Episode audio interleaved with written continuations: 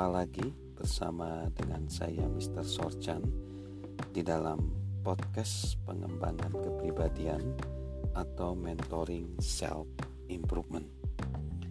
Pada saat ini kita akan membahas tentang prinsip-prinsip mengatasi masalah.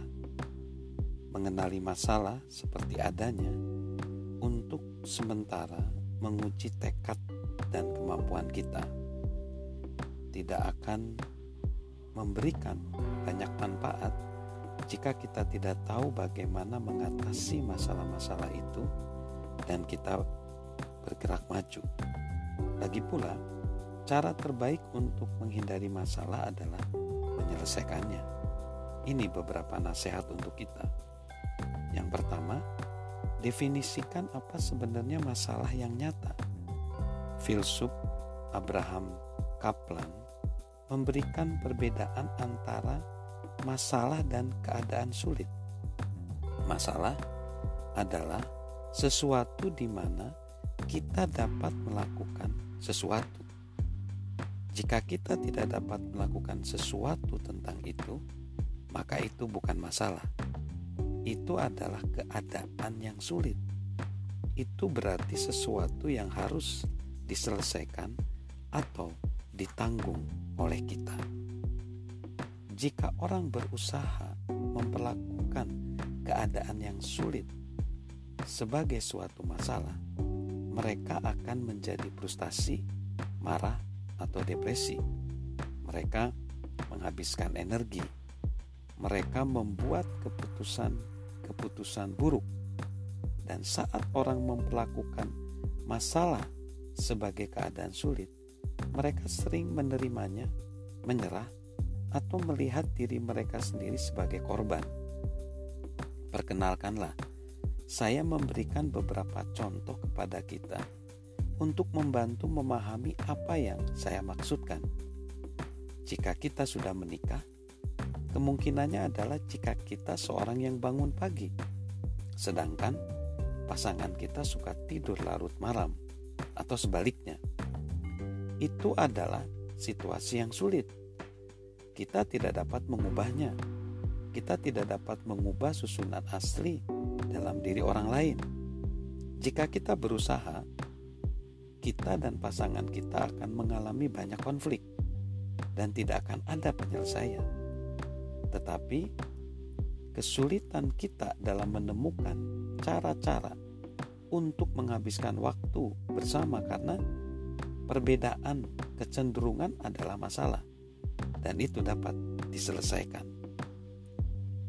Mungkin ada contoh lain misalnya kita bekerja setiap hari dan mendapati bahwa perusahaan tempat kita bekerja akan mengakhiri usahanya. Selesai sudah dan itu berarti pekerjaan kita hilang. Itu adalah situasi yang sulit.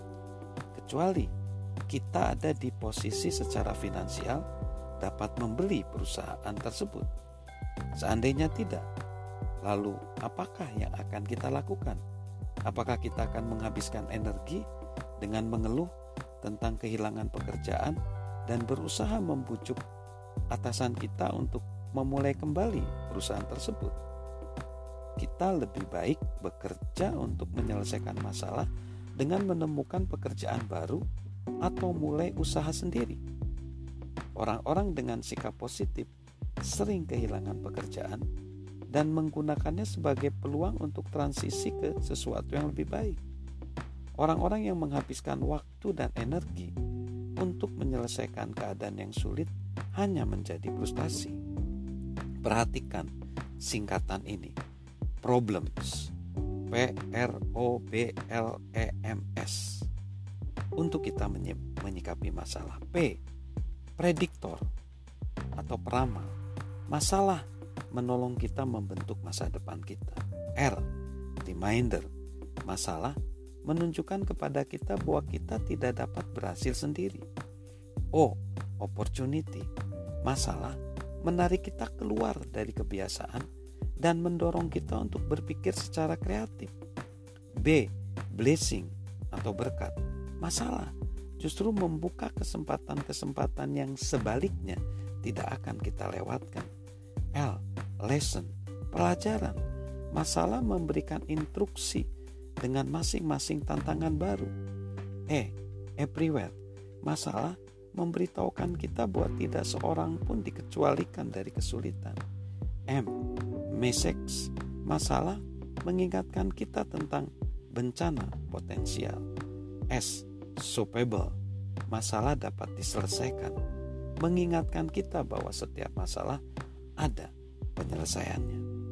Jika kita dapat memisahkan keadaan-keadaan sulit dari masalah-masalah, maka kita dapat menempatkan diri kita sendiri dalam posisi yang lebih baik untuk menangani keadaan-keadaan sulit dan menyelesaikan masalah-masalah. Salam sukses luar biasa dari saya, Mr. Sorjan.